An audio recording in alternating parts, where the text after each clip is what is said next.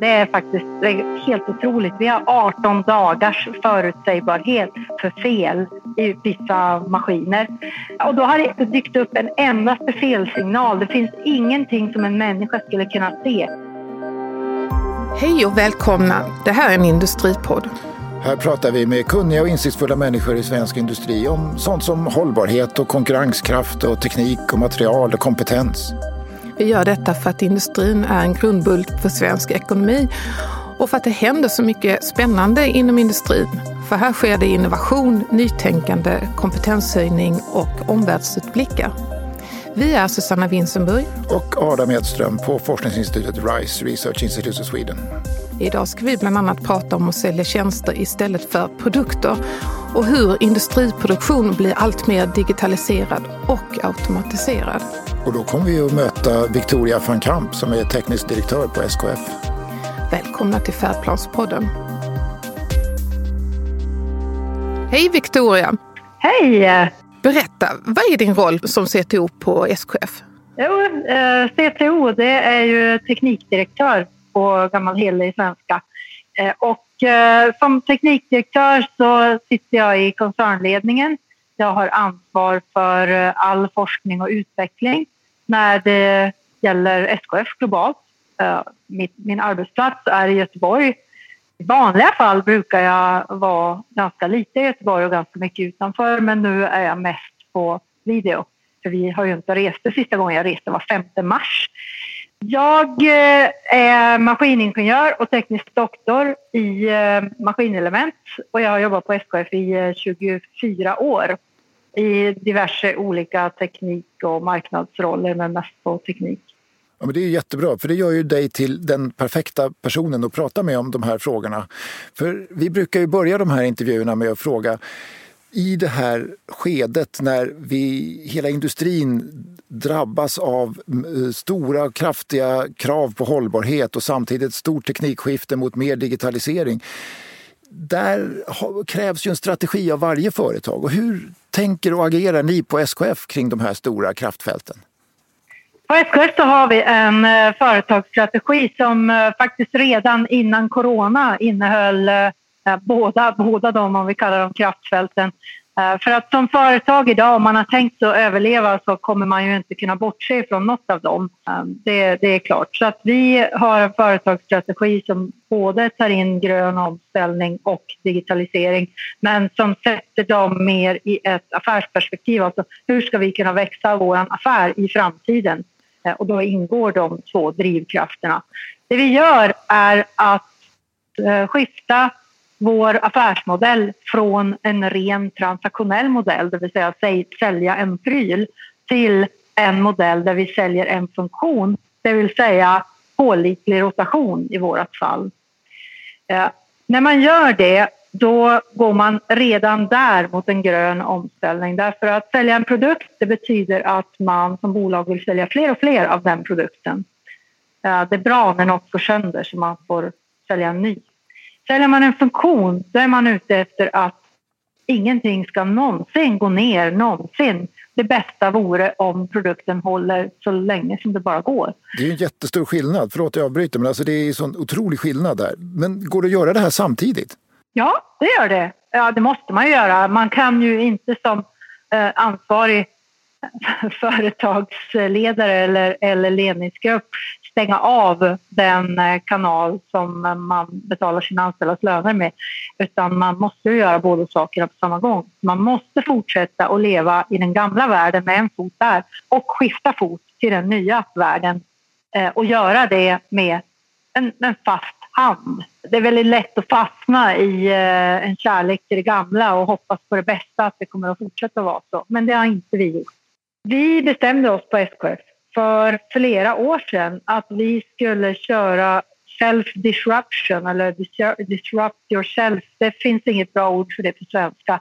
Eh, just för att inte fastna i det gamla och låta någon annan erbjuda det nya. Utan det skulle vara vi. Ja, men då måste ni ha gjort en ganska gedigen analys för att komma till det beslutet. För det är ju ingenting man fattar lättvindigt. Faktiskt nej. Vi jobbar inte riktigt så. Det är klart att SKF, det är klart att vi analyserar marknader och omvärld och, och trender. Det gör vi, men det gör vi alltid. Eh, och Alltså om man som företagsledning ska, ska komma till det perfekta analysresultatet med de perfekta Boston-matriserna eh, över vad som kommer att löna sig framöver, då tror jag man är alldeles för långsam. Då kommer någon annan att agera innan. Utan vi såg att det här är vad våra kunder vill ha. Ingen kund, om de inte behöver så vill de inte köpa några kullager utan de vill att deras maskiner ska snurra. Och om vi kan uppfylla det kundkravet då har vi någonting som kunderna gillar och då måste det vara rätt. Det är ju jätteintressant. Men det har ju samtidigt parallellt med detta så har ni jobbat mycket med automation och automatiserat mycket i maskinparken. Absolut, och det här hänger, det finns två orsaker till det. Eh, den ena är, som jag sa, så står man med en fot i det gamla. Och i det gamla så har man konkurrenter som eh, kommer från alla möjliga länder, väldigt mycket naturligtvis eh, Asien, men från andra ställen också. Och de kommer med låga kostnader, de kommer med fullt automatiserad produktion från början. För de har inte 113 års historia utan de är nystartade. Och de kommer konkurrera utan faktiskt om man inte själv arbetar på sin produktivitet. Så det är en orsak. Men den andra orsaken finns faktiskt i det här med pålitlig rotation. Därför att ute i, eh, hos våra kunder, när man börjar övervaka maskiner och kanske får en eh, förutsägbarhet då, så att man kan se ett par månader in i framtiden, då måste man ju kunna producera väldigt flexibelt också. Så det är inte bara att veta att någonting kommer gå sönder om ett par månader, utan det gäller också att kunna producera en sån pryl då. För ska man producera på chans för att kunna fylla i eh, allt som möjligen kan gå pipan ut i verkligheten, det blir väldigt dyrt och väldigt mycket eh, extra lager. Så att det finns faktiskt två orsaker. En är att få upp produktivitet eh, och få ner kostnaderna. Den andra är att få upp flexibilitet så att man i princip har noll omställning. Därför har vi investerat väldigt mycket och fortsätter att investera i automatiserad produktion. Det där är ju högintressant. Är ni, är ni där idag så att ni kan producera exakt det som ni vet kommer att uh, gå sönder eller fallera någonstans hos era kunder? I vissa kanaler och vissa produktranger, ja, det är vi. I Göteborg så är vi ganska nära att kunna göra just det. Men även i eh, de moderna fabriker som vi bygger i Kina. Bara idag så annonserar vi 400 miljoner svenska kronor i, ytterligare investeringar i kullagerproduktion i Kina. Och där börjar vi ju såklart med fullt automatiserad och fullt eh, flexibel produktion. Så att nej, vi är inte för alla produkter överallt. Men det är dit vi är på väg. Det här är vår ledstjärna och man kan inte ta allt på en gång. Nej.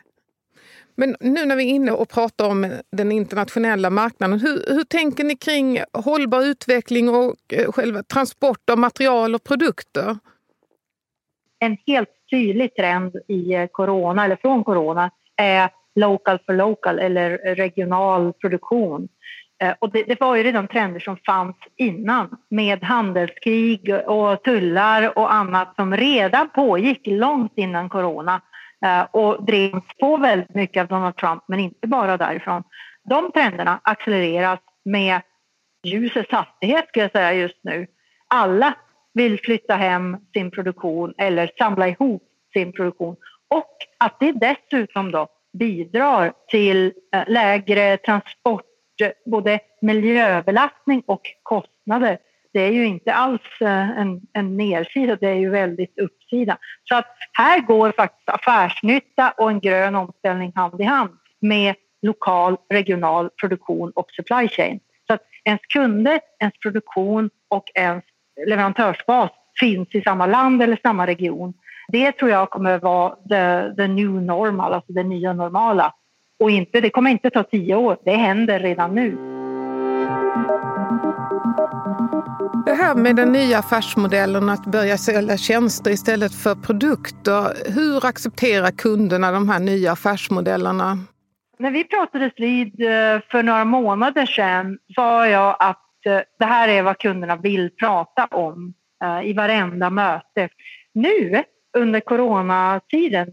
Nu vill de inte bara prata utan nu vill de göra också. Och varför det? Jo, för att om ens verklighet är helt osäker och man inte kan planera mer än en månad fram i tiden, då vill man verkligen dela riskerna. Och har man då en leverantör som säger hej, jag förser er med pålitlig rotation, alltså jag ser till att, er, att när era maskiner fungerar, då får jag betalt och när ni kör så får jag betalt. Men om ni står still eller om det inte fungerar, så får jag inte betalt. Det är en väldigt bra affärsmodell i tider av osäkerhet. Och faktiskt när vi, när vi tittar tillbaka i tiden, var var det vi började med de här affärsmodellerna först? Jo, det var i Latinamerika eh, för ungefär 20 år sedan.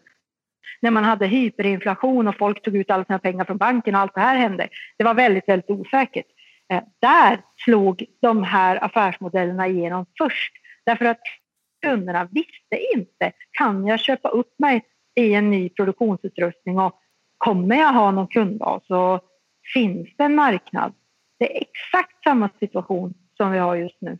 Vilka hinder ser du att ni har behövt röja för att kunna införa nu och sälja tjänster istället för produkter? Hinder och hinder, det är alltid... Vi kan säga utmaningar istället ja, kanske. Ja, det är ett förändringsarbete ja. tycker jag man får se det ja. som istället. Det finns ju naturligtvis de här praktiska sakerna. Eh, när man säljer någonting som är en funktion, då möter man inköpssystem som är byggda för att köpa prylar.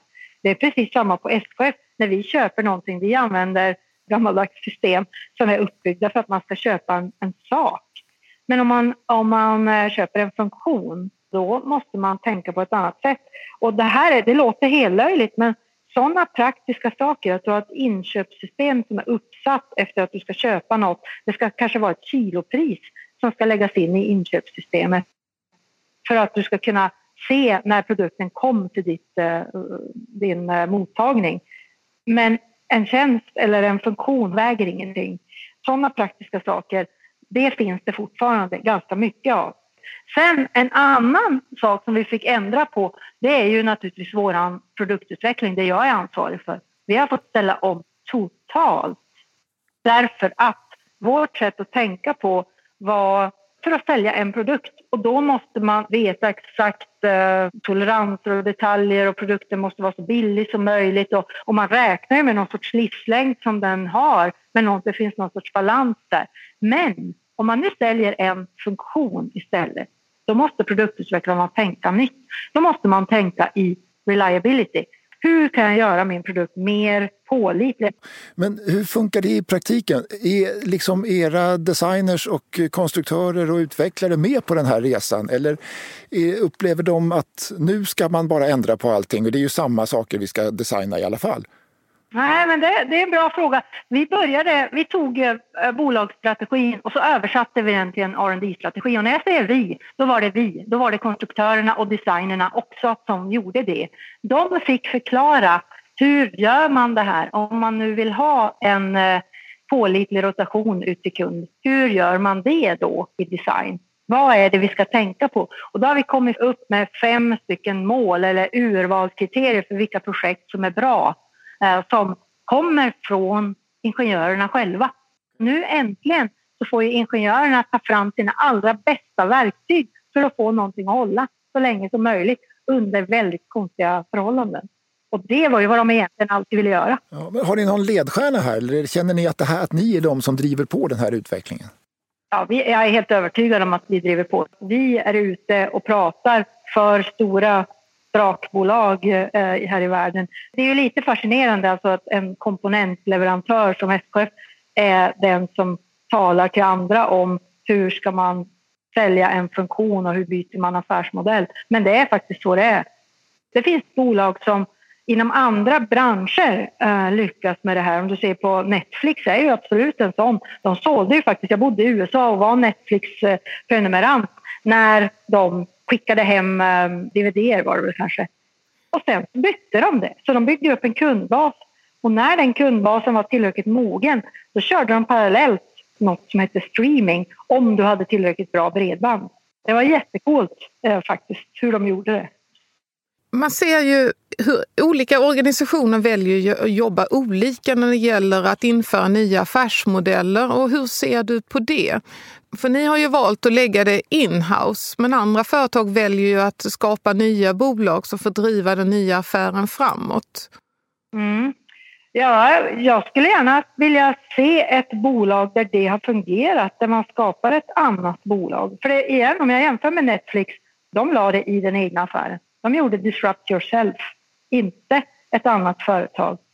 SKF är 44 000 anställda någonting.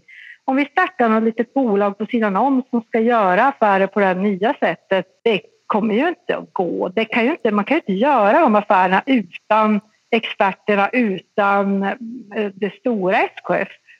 Och då hinner man ju dö med det innan det har hunnit bli något. Och så kommer det stora gamla och dö samtidigt eftersom det inte ställer om då. För det är ju de där andra nya då. Så vi bestämde att det här måste göras. Vi måste operera på oss själva medan vi fortfarande ett, kör affären. Det är ett supertufft beslut, men jag fattar varför.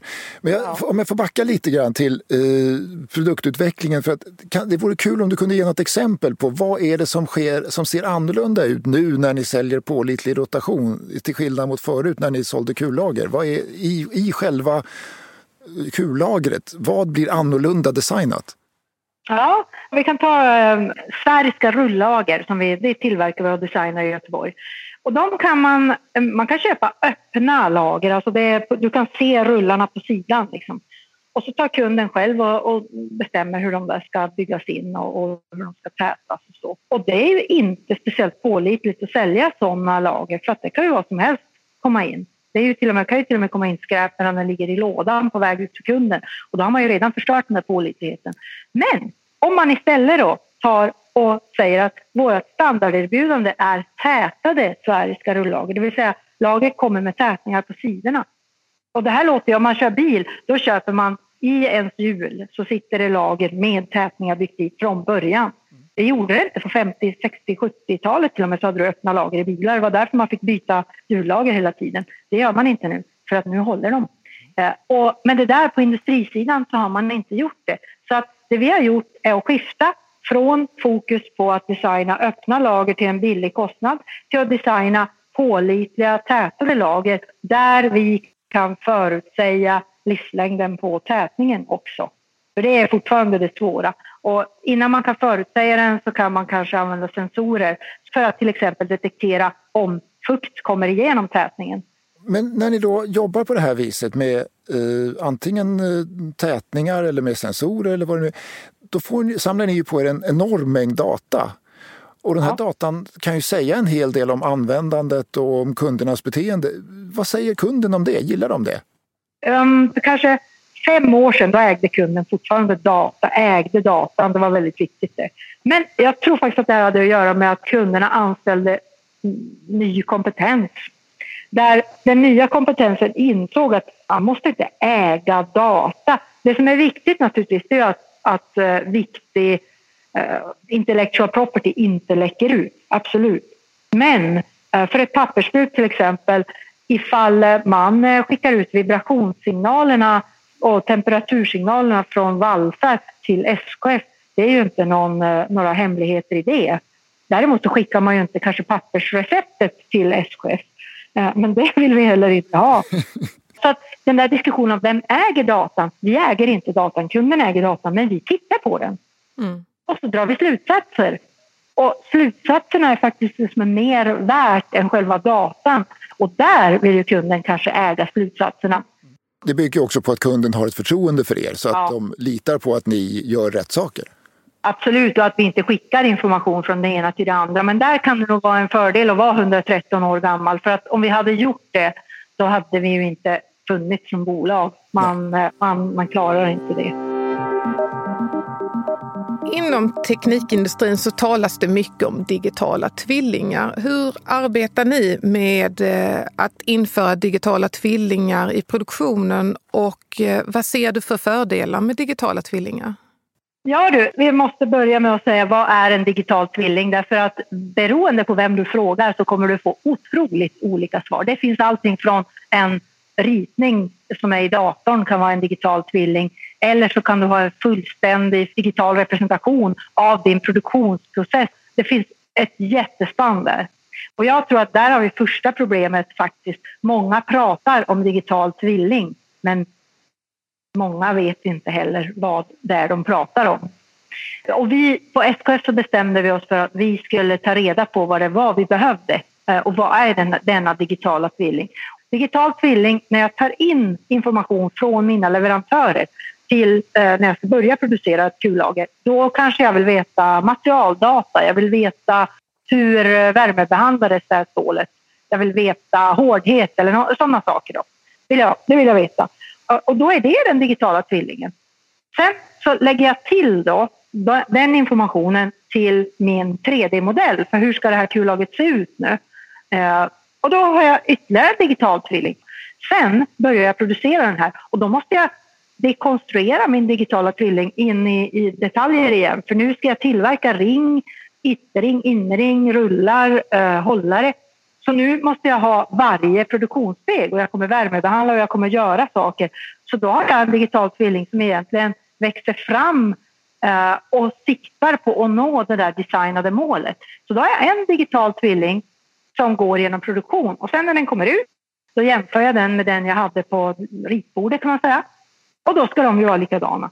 Sen går den här digitala tvillingen ut till kund och då, då är inte kunden intresserad av all den informationen som fanns i produktionsprocessen utan kunden vill ju veta mått och bärkraft och kanske vill kunna simulera friktion i sin maskin. Så nu byter digitala tvillingen skepnad till en simuleringsmodell. Och sen så finns den ute i fält och den sitter i sin elmotor eller någonting och snurrar på och den blir övervakad av någon sensor. Och då behöver sensorn veta hur många kulor finns det i det här lagret så att den kan säga är det här en vibration eller är det bara kulor som passerar. Och sen någon gång när någonting ska bytas ut då ska servicetekniken kunna komma åt en digital tvilling som har attributen hur demonterar jag den här? Hur eh, tar jag loss det på bästa sätt och hur monterar jag in en ny? Så en digital tvilling det är en digital representation av en produkt genom hela livscykeln och den representationen ser olika ut beroende på var du är i kedjan. Och det håller vi på med. Ja, det låter ju som det krävs kompetens från många olika håll för att lyckas med uppgiften. Är det så? Ja, det är det. För det, är precis, för det jag beskrev för dig det var ju hela värdekedjan. Och det är ju helt klart att det räcker ju inte att vara tekniker, för du kan, då kan du ta hand om den mittenbiten eller delen där du, där du producerar. Men den digitala tvillingen har ju bara värde för dig internt. Men det är, då, då bortser man ju från det fantastiska värdet som kunden lägger i att till exempel få en digital representation som de kan mata in i sina simuleringsmodeller. Men jag får fråga, använder kunderna kundens del av den digitala tvillingen på det sätt som ni hade tänkt er eller hittar de på egna sätt? Ja, det gör de. använder det på det här sättet kan man säga. Men det finns nog rätt mycket innovation där hos kunderna. Eh, och vi får nog se vad som händer, för det beror ju lite på. Och en intressant sak som kommer in här, för allting går ju inte att simulera. Allt, du kan ju rita upp saker, ja det går ju alltid, och du kan hårdhet och sånt där. Men sen då, när du ska börja simulera, nu sitter det här lagret i mitten av en stenkross här. Och jag vet ju aldrig som konstruktör av den där stenkrossen exakt vilka stenar kommer att komma in i kvarnen. Och exakt hur hamnar de? Jag kan köra någon sorts randomisering då. Men helt plötsligt och så kommer det komma in damm i mitt kullager och då kommer det bli nötning och det finns en massa statistik här och konstiga lastcykler och nästa kund de kör inte sten utan de kör diamant. Ja. Så man får blanda ihop den fysikaliska modellen med artificiell intelligens. Vi köpte ett eh, bolag i Israel i höstas som hette Presenso. Nu heter de SKF AI. Det här bolaget nu ligger i Israel. Eh, SKF AI är numera SKFs eh, Center of Excellence för artificiell intelligens. Så det ligger alltså i Haifa i Israel. Och därifrån så kör vi utveckling av det vi kallar för en hybridmodell. Alltså en blandmodell mellan fysik och AI, eller statistik ska jag faktiskt kalla det, för AI är faktiskt statistik. Det kommer säkert finnas en massa människor som säger att jag har fel, men eh, än så länge är AI faktiskt statistik. Då kan vi alltså blanda in eh, fysik och där fysiken inte räcker så använder vi statistik och modeller som AI skapar. Och det är väl då man börjar komma bort lite från statistiken. Mm. Men får jag fråga, era kunder, märker de redan nu skillnad på det som ni har gjort tillsammans med SKF AI i Israel? Eller Eh, är det här någonting som är mera för nästa generation i någon slags framtid? Vi har eh, tillsammans med eh, ja, ett antal kunder redan nu använt SKF AI ute i deras produktion. Och det vi når då, det är faktiskt helt otroligt. Vi har 18 dagars förutsägbarhet för fel i vissa maskiner. Och då har det inte dykt upp en endaste felsignal. Det finns ingenting som en människa skulle kunna se. Man kan alltså se i förväg 18 dagar eh, att det kommer att hända någonting här. Ja, det är ju fantastiskt. Och då kan ni på dessa 18 dagar om, även om det är ett superspecialprodukt så kan ni se till att den superspecialprodukten finns på plats. Precis, det är en variant. Men du kan ju faktiskt göra en annan sak också. Innan vi har den här fulla flexibiliteten då, så kan du ju faktiskt säga aha, om 18 dagar kommer det här gå åt pipan. Men jag skulle ju kunna lasta lite mindre sten i min cross då. Ja, ja. Då kanske vi håller 38 dagar istället och då kommer det dyka upp ett sånt här superspeciallager för det kan jag producera på 38 dagar. Så där har du möjligheter. Med med den här kristallkulan som AI eh, ger oss så får vi möjligheter att antingen sakta ner eller lasta av eller göra... Man kan ju göra ett underhåll också. Man kan ju se att jaha, om man går in och, och sätter till lite extra smörjfett här så kommer det här att, att hålla fram till nästa underhåll till exempel. Och det är ju väldigt bra. Vad tror du den här svarta lådan kommer innehålla om vi tar ett perspektiv fem år framåt i tiden? Vad kommer ni kunna göra då? Du, vet du, jag måste säga, alltså, med, med corona uh, så har vi, vi har verkligen ställt om tankesättet här och blivit väldigt ödmjuka.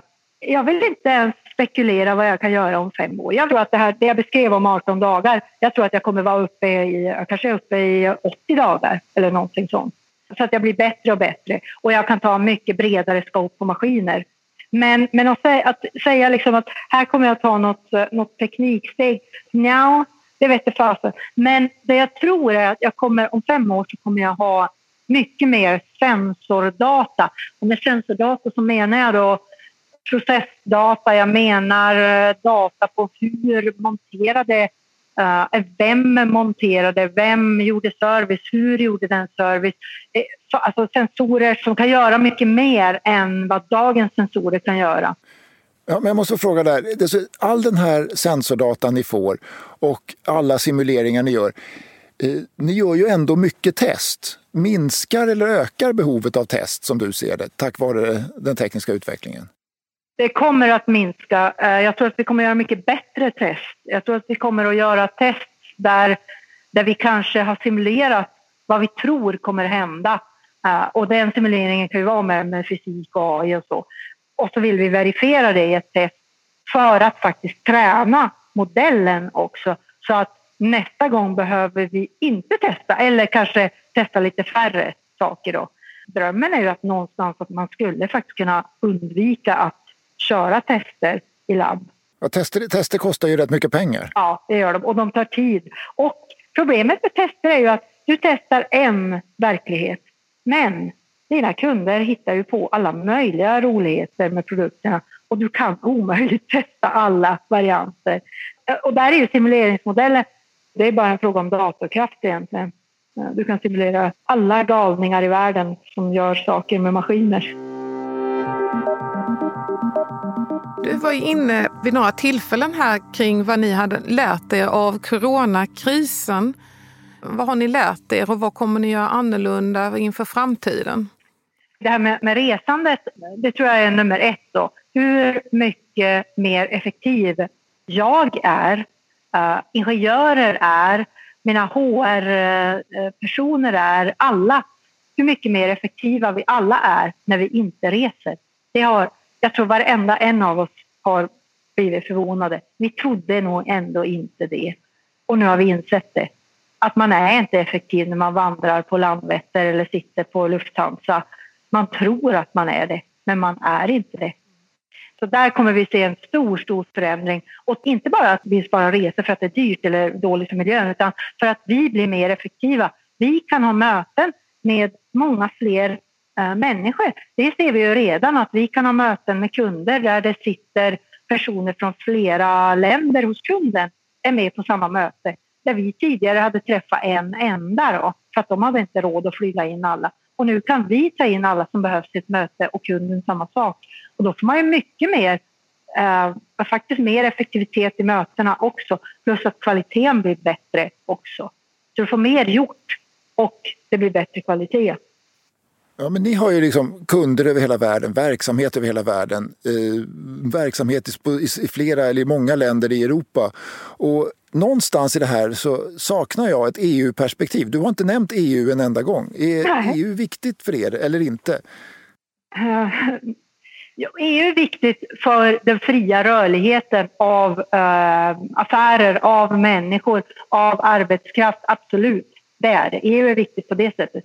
EU eh, är viktigt för oss för hur vi gör affärer, för forskning. Nej, ni är inte med i sådana här europeiska utvecklingsprogram eller eh, forskningsprogram eller någonting sånt? Mycket lite och om vi är det så är det via ett universitet. Och varför det? För att vi har inte bandvidden, vi har, vi har inte människorna som kan sitta jag menar bara att formulera en, ett förslag. Det är ju inte så vi jobbar i industrin. Alltså vi jobbar ju, det är ju inte att vi jobbar utan planering men vi, vi börjar, vad är problemet? Vad är det vi ska göra? Börja någonstans lär dig, förbättra, fortsätt, gör igen, förbättra, gör igen. vi, om vi skulle skriva en projektplan så detaljerat för varje ny affär, då tror jag vi aldrig skulle tjäna några pengar. Så för oss, det passar liksom inte sättet. Och för mig, jag kommer ju själv ur forskning. Jag, jag vet hur vi tänkte och allting skulle ha en femårscykel. Och, men när jag jobbar med, med startup-bolag, med elektronik, med sensorer, Ingenting har en femårscykel. Det är alldeles för lång tid. Vi lär oss så väldigt mycket på att göra, för då förstår vi vad problemen är. Man förstår gapen genom att försöka göra det och då kan man börja fylla de där gapen. Men att spekulera om vilka gap det skulle kunna finnas och börja lösa någon sorts fiktiva gap, det först, ja, ja, vi gör inte det längre. Det kanske inte är industri, det kanske är akademi ja, som gör sådana saker. Ja. Ja, nej men, eh, superintressant. Vi har fått väldigt många svar på väldigt många intressanta frågor och väldigt många kommentarer. Och det var ett ord som jag studsade på här som jag måste bara få dyka ner i som avslutning och det var ordet ödmjukhet. Du sa att ni har blivit väldigt mycket ödmjukare de sista månaderna i den här coronakrisen. Vad menade du med det? Jo, jag menade faktiskt när det gäller planera och kunna förutsäga framtiden. Eh, och det där som en eh, ansvarig för forskning så är man ju, man håller, håller ju jämt på med roadmaps. Det ska vara roadmaps och det ska vara fem år fram i tiden och det ska, här ska de här lanseringarna komma och så vidare. Det har vi faktiskt lagt på hyllan. Vi har gjort under, eh, här i vår så har vi gjort en, en ny roadmap. Och där har vi sagt så här, vi vet inte och våra kunder vet inte. Så ödmjukheten är att inte veta. Vi har inte svaren hur världen kommer se ut i september. Och vad gör man då? Man kan ju inte bara lägga sig ner och sova eller dö, utan man måste ju göra någonting.